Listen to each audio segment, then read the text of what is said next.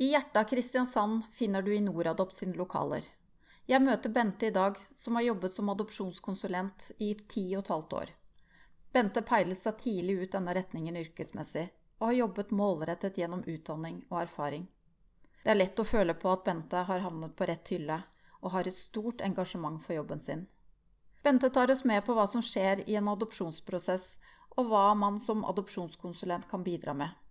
Hun gir oss et bilde av hva Inoradop består av og jobber med, og hva slags prosesser man finner i de enkelte samarbeidsland. Bente forteller at sjelden er en dag lik i hennes stilling. Og kanskje er det sånn det skal være når man jobber så tett opp mot mennesker på en reise i livet som er så betydningsfull. Bente blir i alle fall å finne på i Noradopt i lang tid fremover, og vil bistå med å bruke sin erfaring og kunnskap til at flere barn får foreldre og familie.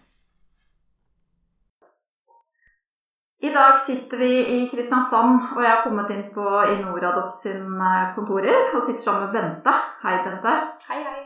Du jobber her. Hva jobber du som på Inoradopt? Jeg jobber som adopsjonskonsulent.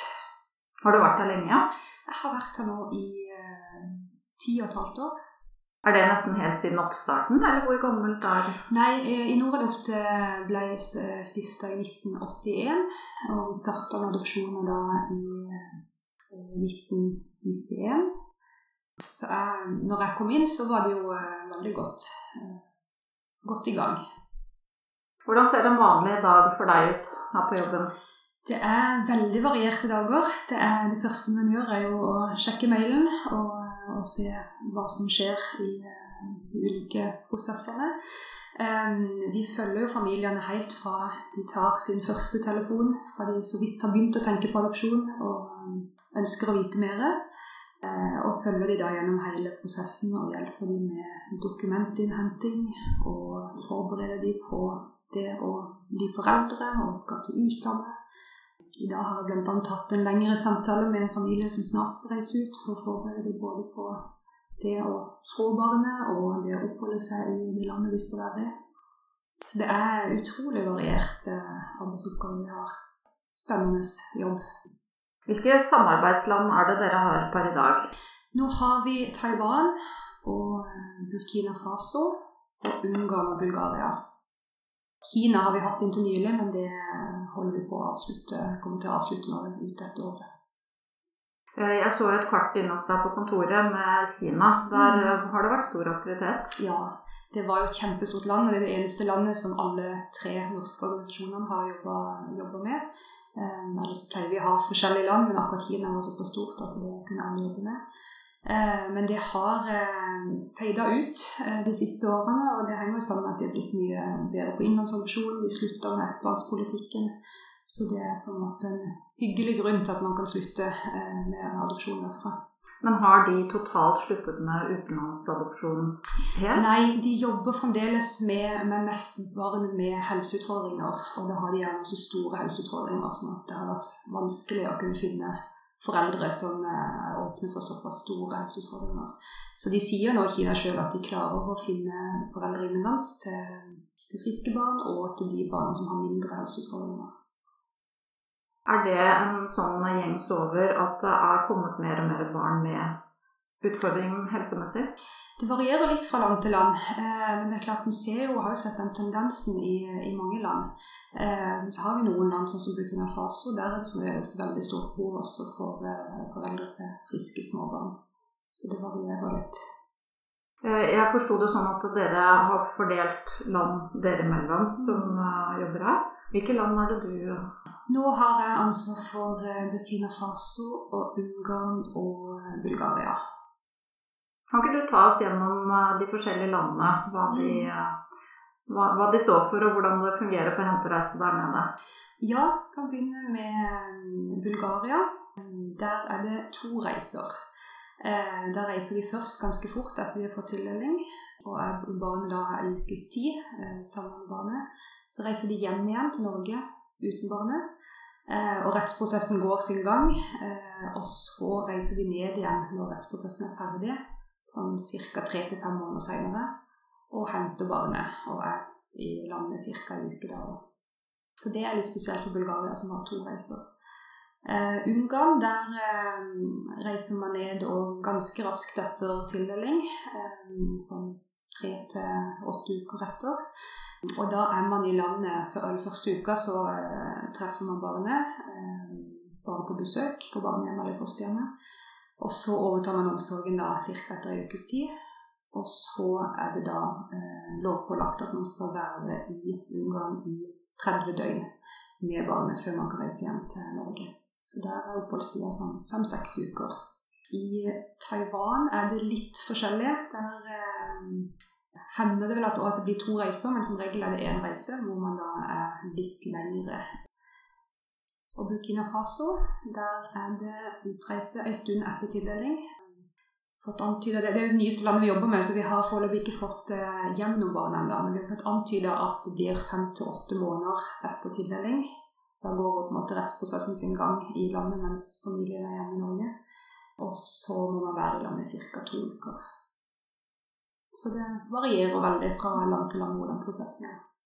Hvordan er det med alder på barna i disse landene? Det varierer òg en del.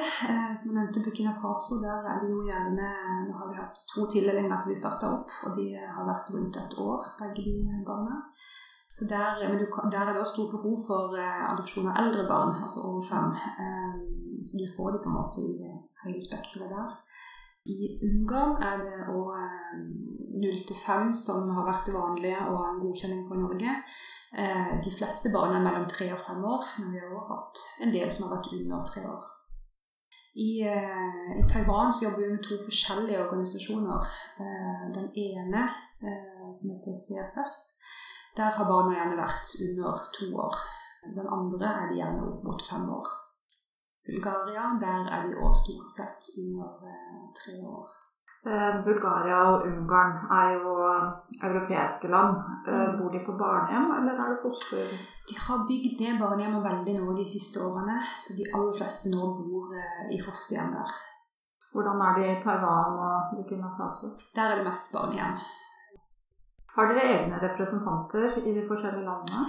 Det er litt forskjellig, det òg. I Ungarn og i Burkina Faso har vi ansatt egne representanter. Mens i Taiwan og i uh, Bulgaria så jobber vi med samarbeidsorganisasjoner. Burkina Faso f.eks., er det et samarbeidsland som kom opp som en erstatning for Kina? Eller er det noe dere har jobbet med i mange år? Det har vi jobba med egentlig over ganske lang tid. Ehm, det er utrolig tidkrevende å få på plass nye land. Ehm, jeg klarer ikke å huske når vi begynte med det, men det er ganske lenge siden vi begynte til vi fikk det på plass i 2015. Det krever mye forarbeid, og du skal ned og besøke landet, og vi skal søke norske myndigheter, Bufdir, om godkjenning. Så det er en veldig tidkrevende prosess å få på plass eh, nye land. Så det er noe vi på en måte jobber med hele tida, uavhengig om vi har noen land som er i ferd med å også forsvinne ut. Eh, Burkina Faso var jo nytt for Norge da når vi startet i 2015, men sånn som Danmark har jobba med det i veldig mange år. Så det var på en måte kjent nordisk eh, samarbeid med Burkina Faso når vi starta. Hvor viktig er det for den enkelte adopsjonskonsulenten å kjenne landet og systemet og, og de dere har kontakt med der nede? Det er jo, eh, For oss er det en veldig viktig, en veldig stor fordel at man har eh, godt kjennskap til både landet og prosessen. Så det er jo noe vi, eh, vi jobber mye med, og er derfor vi har fordelt litt sånn at man har ikke alle skal trenge å kunne noe om alle land.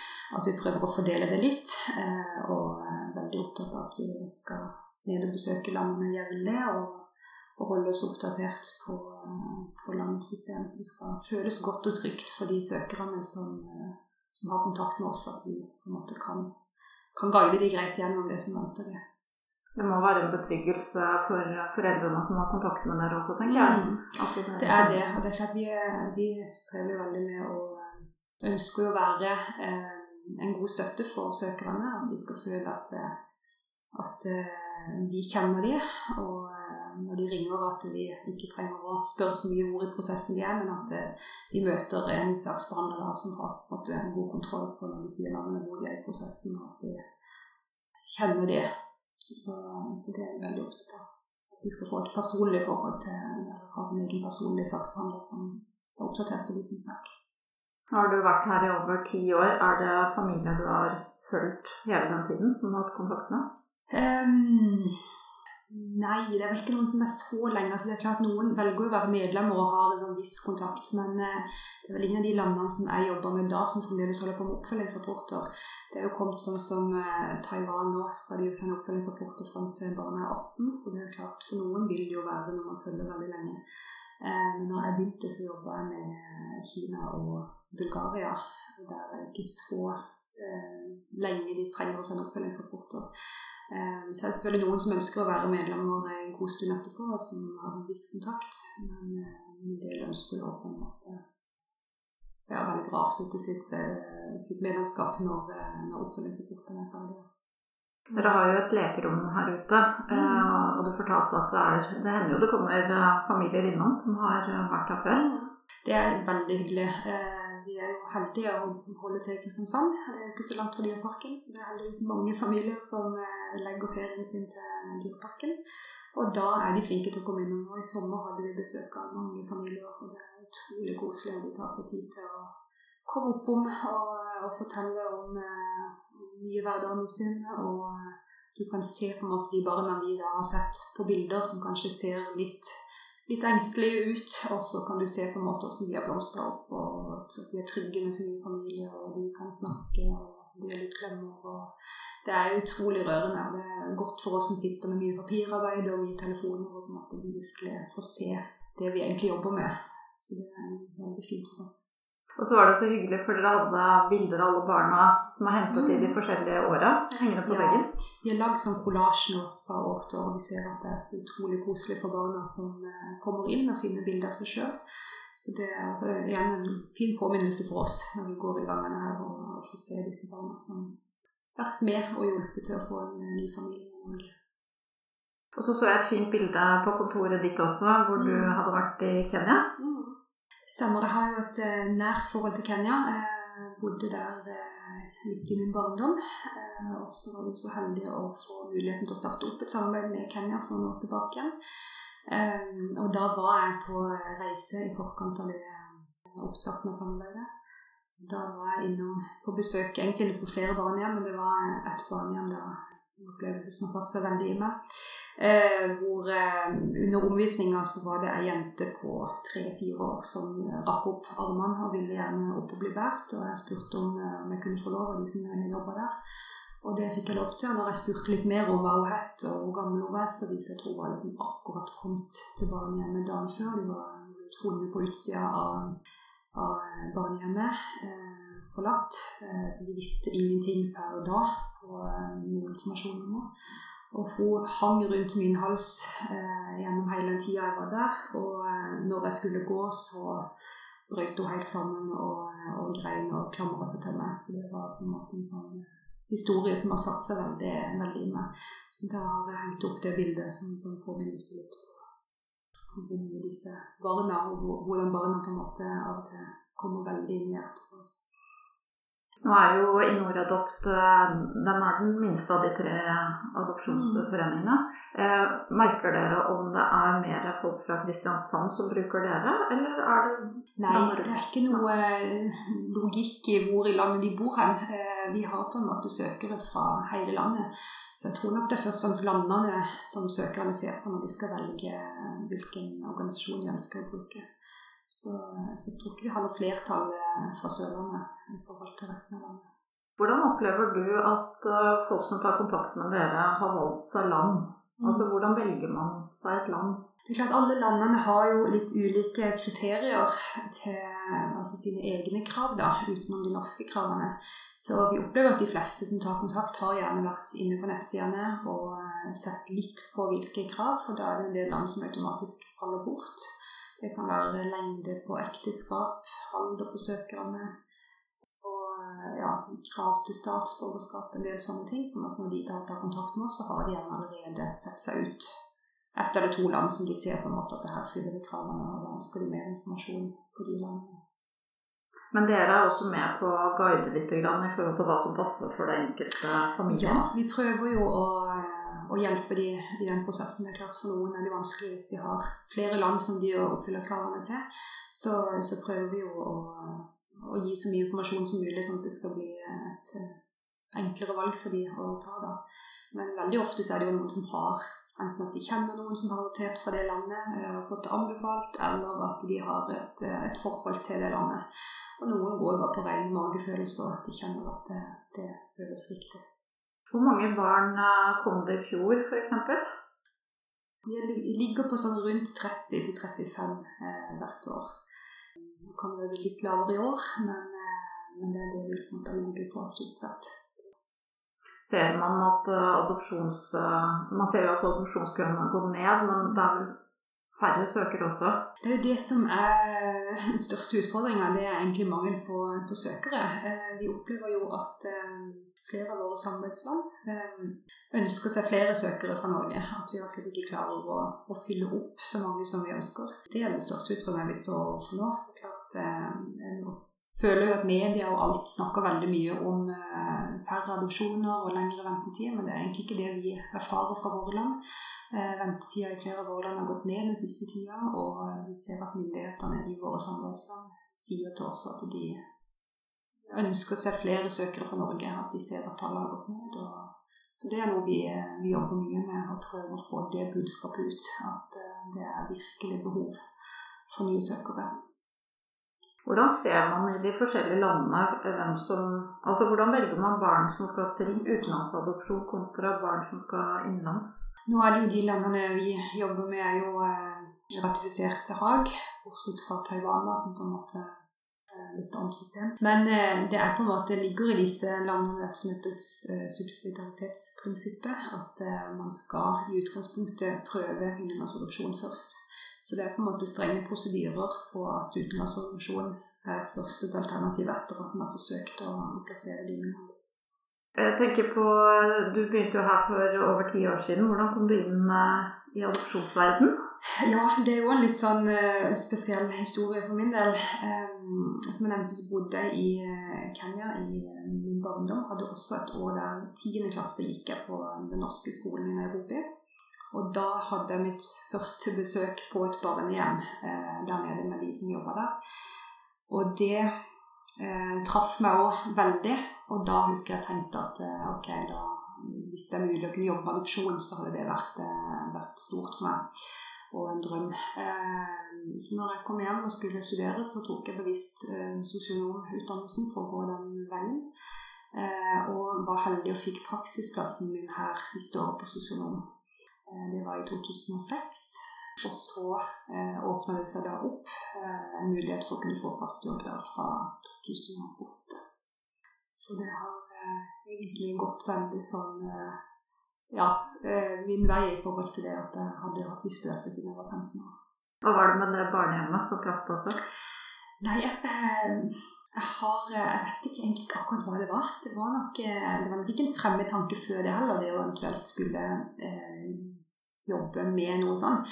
Eh, jeg har jo veldig nært forhold til Afrika, så tanken på å kunne ned og jobbe barnehjem og gå litt sånn fristende. Så har nok hatt et stort hjerte for foreldreløse barn eh, lenge. Eh, og så, når jeg da eh, fikk muligheten til å kunne jobbe med det fra Norge, så var på en måte det stor, stor drøm og mulighet til å kunne få hjulpet noen av disse barna. Det, det er fryktelig vondt å møte barna der nede på et barnehjem. Det er på en måte det er ikke der de burde være. Så, så det å kunne få lov å hjelpe og gi dem ny familie det Norge er like stort hver gang man lykkes med det. Nå er ikke Kenya et av dine land nå, men du vet sikkert litt om det. Hvordan foregår det der nede? Det som var med Kenya, var jo at eh, vi hadde eh, egentlig et godt samarbeid med dem. Eh, og vi hadde mange familier som ønska å tre fra Kenya. Så var det en president som da fant ut at han ikke ønska å ha utenlandsadopsjon. Så han stoppa hele, all form for utenlandsadopsjon sånn over natta for noen år tilbake. Det ble avslutta på den måten, og det er jo det vondeste når man opplever det. For det vi vet at behovet er fryktelig stort der nede. Eh, de klarer ikke å få plassert innenlands alle barna som trenger det. Og det man vet at man hadde hatt mulighet til å kunne få plassert flere barn eh, av de til Norge, så er det veldig, veldig vondt. Og vi vet at veldig mange av de som har adoptert fra Kenya, skulle gjerne ønske seg ned igjen og adoptere på nytt derfra. Så det Var det da mange foreldrepar som sto i kø når han avsluttet? Det var en god del, ja. Mm. Så de måtte jo, en del måtte avslutte saken sin, og noen valgte å bytte land. Alltid vanskelig når det skjer så brått og på den måten. I Kenya er det bare barnehjem? Der er det de Der er det stort sett bare barnehjem, ja. Mm. Er det privateide? Det er nok begge deler. Noen er statlige, de fleste er private. Er det andre land dere jobber med nå for å få inn i systemet deres? Vi eh, jobber jo stadig med, med nye land. Eh, ingen sånne veldig konkrete nå. Vi har ikke kommet inn noen søknader nå til, til Bufdir. Men vi bruker jo mye tid og ressurser på å undersøke hvilke land som på en måte har et uh, regelverk, hvilke land som jobber med å få på plass regelverk, og hvor det kan åpne seg opp en mulighet. Vi er jo veldig, veldig bevisste på å prøve å finne nye land som har behov for det. da. Du fortalte jo at en av representantene som jobber her, er på, i Danmark i dag. Mm. Eh, samarbeider dere mye med eh, nordiske land? Ja, vi har et uh, tett samarbeid. Vi har uh, noe som heter NAC, Nordic Adoption Council. som består da av svenske, danske, og norske, og finske og islandske foreninger. Så vi har en sånn årlig, årlig, treff hvor vi møtes, treffes og møtes og utveksler erfaringer og har litt foredrag og faglig påfyll. Og så er det jo eh, lett å ta en telefon til, til de andre svenske og danske hvis det er noe, og eh, dra nytte av hverandres erfaringer på, på de landene vi jobber med. Ja, for du sa jo, du nevnte jo at uh, Burkina Faso f.eks., mm. at Danmark hadde jobbet mm. med dem. Er det, er det der dere henter erfaring? Vi har henta mye derfra. Uh, og vi hadde jo til og med altså Vi fikk kontakt med noen familier som hadde adoptert fra Burkina Faso. Så var det en familie som kom fra Danmark tok båten til Kristiansand og på kontoret kun for å fortelle sin historie. De brant så for at flere skulle få adoptere fra Burkina Faso og ønsker virkelig å, å, hjelpe oss å få mer informasjon på, på, det. Så vi har absolutt dratt mye nytte av det, og vi vet jo at det er jo kanskje den beste måten å, å, å få historier fra andre familier som har eh, adoptert, som kan fortelle litt fra den sida hvordan det har vært. Så, så det er absolutt fint og kan eh, bruke hverandre. Vi har jo vært gjennom mange land her nå. Er det flere land som jobbes med her? Eh, ikke, ikke noe til nei. Så det stopper ved Kenya? Det er det siste Det er det siste vi har hatt. Ja, så hadde vi jo Brasil òg, for det begynner jo bli en god del år siden vi avslutta det. Det ble jo avslutta fordi de klarte å plassere barna innenlandsadopsjon. God måte det ble avslutta på. Er det det som skjer oftest når man avslutter samarbeidsland? At de på en måte har funnet en eh, adopsjonspolitikk som, som passer dem bedre enn den? Det er jo eh, veldig ofte det at en ser at en del av de landene som har slitt med, med store økonomiske problemer eller stor sosial nød, at de blir si, rikere og, og klarer å, å, få hjelp i eh, landet de er sjøl, eller at de blir bedre på innlandsadopsjon. Så det er jo gjerne det som er grunnen til at vi avslutter. Er dere her på Inoradopt eh, involvert eller engasjert i disse landeklubbene? Um, ikke direkte. Uh, vi, altså disse landegruppene de uh, er jo på, uh, på Facebook. og de startes da av familier sjøl. Så vi er ikke medlem av de gruppene, og vi vet ikke alltid hva som blir skrevet inn på det. Eh, men vi er med på å informere nye søkere at de fins. Eh, og vi får gjerne informasjon når de skal ha treff, og publiserer dette på nettsidene og i bladet, sånn at vi hjelper å få ut informasjonen. Så, så, til en viss grad. Jeg husker da vi sto i kø, så var vi i kontakt med adopsjonskontoret og fikk kontakt med en annen familie som mm. hadde vært og hentet fra, fra samme land. Mm. Er det en ordning dere har her også? Ja, vi prøver eh, gjerne det hvis det er f.eks. familier som skal ned litt samtidig. Det opplever vi f.eks. Eh, spesielt i Ungarn. Så ser vi at det er noen familier som er i landet samtidig, at de får kontakt igjen på forhånd. Eh, sånn at de vet, vet hvem, hvem, de er når de treffes der nede. Og det samme er hvis en ser at er, de skal kanskje til akkurat samme by. At en kan sette de i kontakt og få litt, litt hjelp. Og noen spør jo om det er mulig, så da har vi jo på en måte noen vi kan spørre. Så har vi også dette som vi kaller ressurspersoner. De er jo en del engasjerte sjeler som brenner veldig for å kunne hjelpe andre. Da har de gitt beskjed til oss på ulike temaer som de har erfaring på. Det kan være konkrete helseutfordringer på barna. Det kan være tilknytning, det kan være atferdsproblemer, søvnproblemer. Altså en del av disse vanlige tingene som de opplevde sjøl at var veldig vanskelig når det sto på som verst. Eh, og som de ønsker da og kan eh, hjelpe andre med når de sliter med det samme. Så vi har en oversikt på nettsida vår på hvilke temaer vi har eh, ressurspersoner inne, og så kan de ta kontakt med oss, og så vil vi sette dem i kontakt med hverandre. Ja, for det er en del tematikk dere sikkert får inn av dørene her. For det er ikke så veldig mange andre steder å henvende seg når du lurer på noe? Nei, det er jo det dessverre ser. Vi har jo, vi tre organisasjoner har jo veldig ønska oss et sånt ressurssenter eller kompetansesenter for adopsjon. Hvor en kunne samla mye mer av kompetansen, sånn at de har et sted å henvende seg. For det ser jeg jo nå at eh, det er utrolig forskjell rundt i landet på eh, helsestasjoner og andre fagfolk hva slags erfaring de har innen adopsjon. En del kan jo veldig mye om ulik problematikk, men det er ikke alltid at de ser det i sammenheng med adopsjon, og at en må gjøre det på en litt annen måte når det er et barn som er utrygt på en annen måte og, og har med seg en litt annen bagasje. Så, eh, så vi ser det at det, det skulle gjerne hatt mer av det i Norge. Hvordan ser eh, visjonen ut på et sånt eh, kompetansesenter? Det er mm, fremdeles eh, ikke satt noe veldig konkret på det. Det er bare noe vi har jobba veldig hardt mot og ønska oss lenge til, mm, til myndighetene. Mm, men det er ikke bestemt noe slags form eller hvordan det er lagt opp. Det er på en måte ikke kommet så langt ennå. Er det fordi det er litt sånn politisk at det ikke blir tatt tak i, rett og slett? Det er litt så vanskelig. De, eh, de, mener vel at det på en måte bør ligge til kommunene, og at eh, kompetansen bør være god nok der. Og så det er liksom litt der de stopper opp. da. At en er litt uenig om behovet er der eller ikke. Hva slags spørsmål får dere inn her i ettertid? Det er vel ikke bare i forkant. Mm. Forkant venter man jo og, sånne ting, men mm. det kommer sikkert litt i etterkant òg? Det gjør jo det. Eh, det er jo ganske mange familier som tar kontakt med oss etterpå. Det er klart, det går jo mye på dette med, med atferd og tilknytning. Eh, det er jo det som går igjen. At man blir eh, usikker på hvordan man skal gripe an hvis en ser en, en atferd hos barnet som er vanskelig å, å sette i en setting og komme seg forbi hvis det har pågått over lang tid.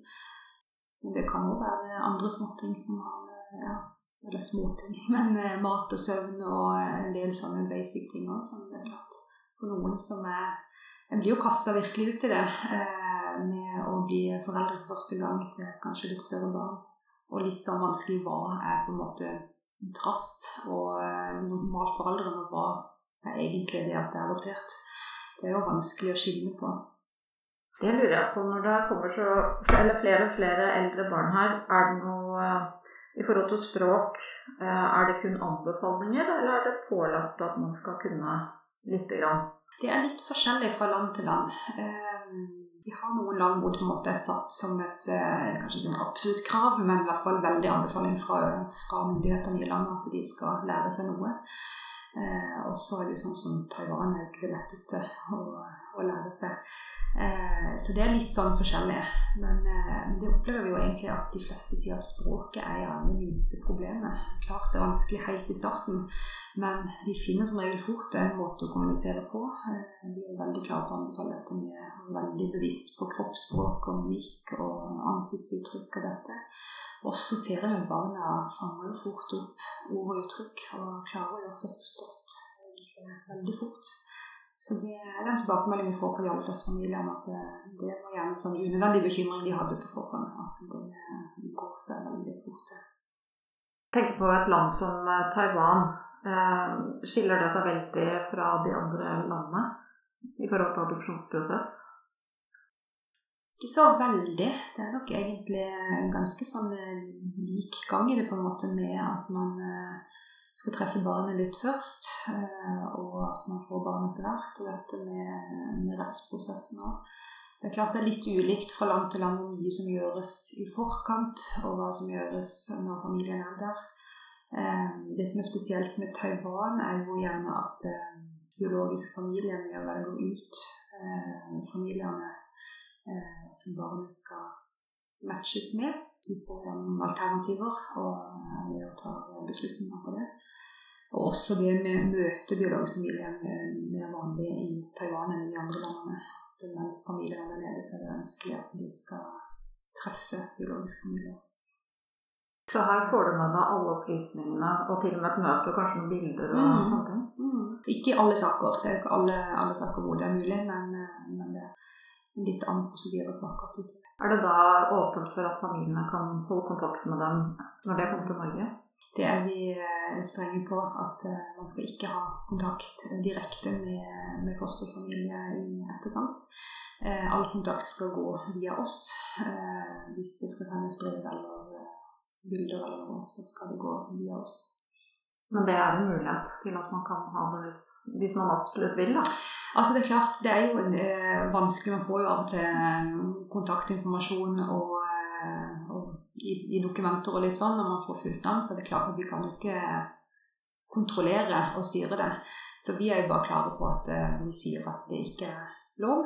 Eh, og eh, også samarbeidsorganisasjonene våre er jo klar over det i utlandet, at i Norge er ikke det lov. Siden dere har holdt på i mange år nå, har dere en del eldre ungdommer, unge voksne, som kommer hit og vil ha hjelp? Vi har eh, etter hvert merker vi det, eh, spesielt Ungarn og Brasil. Eh, så er det jo mange, mange som er blitt voksne, og som er nysgjerrige på bakgrunnen sin. Så det er en del av de som, som tar kontakt for å få litt hjelp til å søke tilbake. Er det lett å finne noe i Ungarn og Brasil? Nei, det er ikke alltid det. Men jeg ser det egentlig begge de landene, så er det nok vanskelig å, å klare å søke tilbake igjen. Det er nok et fåtall av de som prøver, som lykkes med det. Hvordan forbereder man en ungdom på at kanskje ikke det er noe er noe å finne? Mm. Nei, altså vi, vi, er jo klare på det i forbindelsen og eh, sier jo at det er små sjanser for å få forventningene ned. Eh, sånn de fleste er nok klar over det, men det er vel noe med å likevel vite at du har gjort et forsøk og prøvd. Eh, og dette er jo noe igjen vi ønsker inn i dette kompetansesenteret. At en skal følge opp også disse mer enn det. For nå ligger det jo på en måte Eh, det blir organisasjonene som får det, men det er jo begrensa med tid og ressurser vi har til å, til å, ta mange av disse lange samtalene, også i etterkant. Hvis man finner noe, så er det òg noe med liksom, hvem som skal følge opp da òg. Så det er jo et sterkt ønske for oss organisasjonene at det så fall blir lagt inn i dette kompetansesenteret noen som kan jobbe eh, mer med, med disse ungdommene. Hva med tilbakereiser? Har dere arrangert eller vært med på Vi eh, arrangerte vel så vidt til Kina for en del år siden. Eh, men det er klart vi er en liten organisasjon, så vi så det at det, det var ikke mange familier som, som, ble med på akkurat de fellesreisene. Så det, det kutta vi ganske fort. Så nå eh, ordner de det sjøl, enten gjennom BLAS, som er samarbeidsorganisasjonen i, i Kina, eller Kina reiser Eh, I de andre landene har det heller ikke vært noe, noe felles eh, turer. Klart I Ungarn, som er såpass nærme, så er det jo, reiser du på egen hånd. Eh, og ja, Taiwan og Bulgaria er ikke så aktuelt ennå. Ser du for deg at du kommer til å være her i mange år fremover? Det er jo det jeg gjør, egentlig. Jeg kjenner på det at for meg er jo dette drømmejobben klarer å tenke jeg skal gjøre noe annet enn fremmed tanke. Eh, og fremdeles er det såpass mye variert, og jeg føler fremdeles at jeg har brukt meg sjøl veldig mye og prøver stadig nye oppgaver. Som gjør at det er en utrolig givende og flott jobb. Så jeg kan ikke se for meg at jeg kan få det like greit noen plass. Fantastisk eh, arbeidsoppgave og fantastisk arbeidsplass. Og adopsjon stopper vel ikke med det første, for det er jo en fantastisk fin måte å få barn på. Det er det. Det er det en ser. Og det er klart når vi jobber med ja, sånn som Burkina Faso, hvor det er snakk om at det er over 700 000 eh, foreldreløse barn, og som er et utrolig fattig land, så er det klart at adopsjon vil ikke forsvinne ut, selv om en ser noen land eh, blir flinkere. Og det samme med, med Ungarn, også, som er det største landet vi har. Der er det jo fremdeles veldig store fordommer mot romfolk Så det er jo Vi får ikke plassert de barna innenlands. Så det er klart vi ser jo i de landene at behovet vil jo fortsette i mange år framover. Da vil jeg si tusen takk til deg, Bente, for at du ville stille opp på podkasten.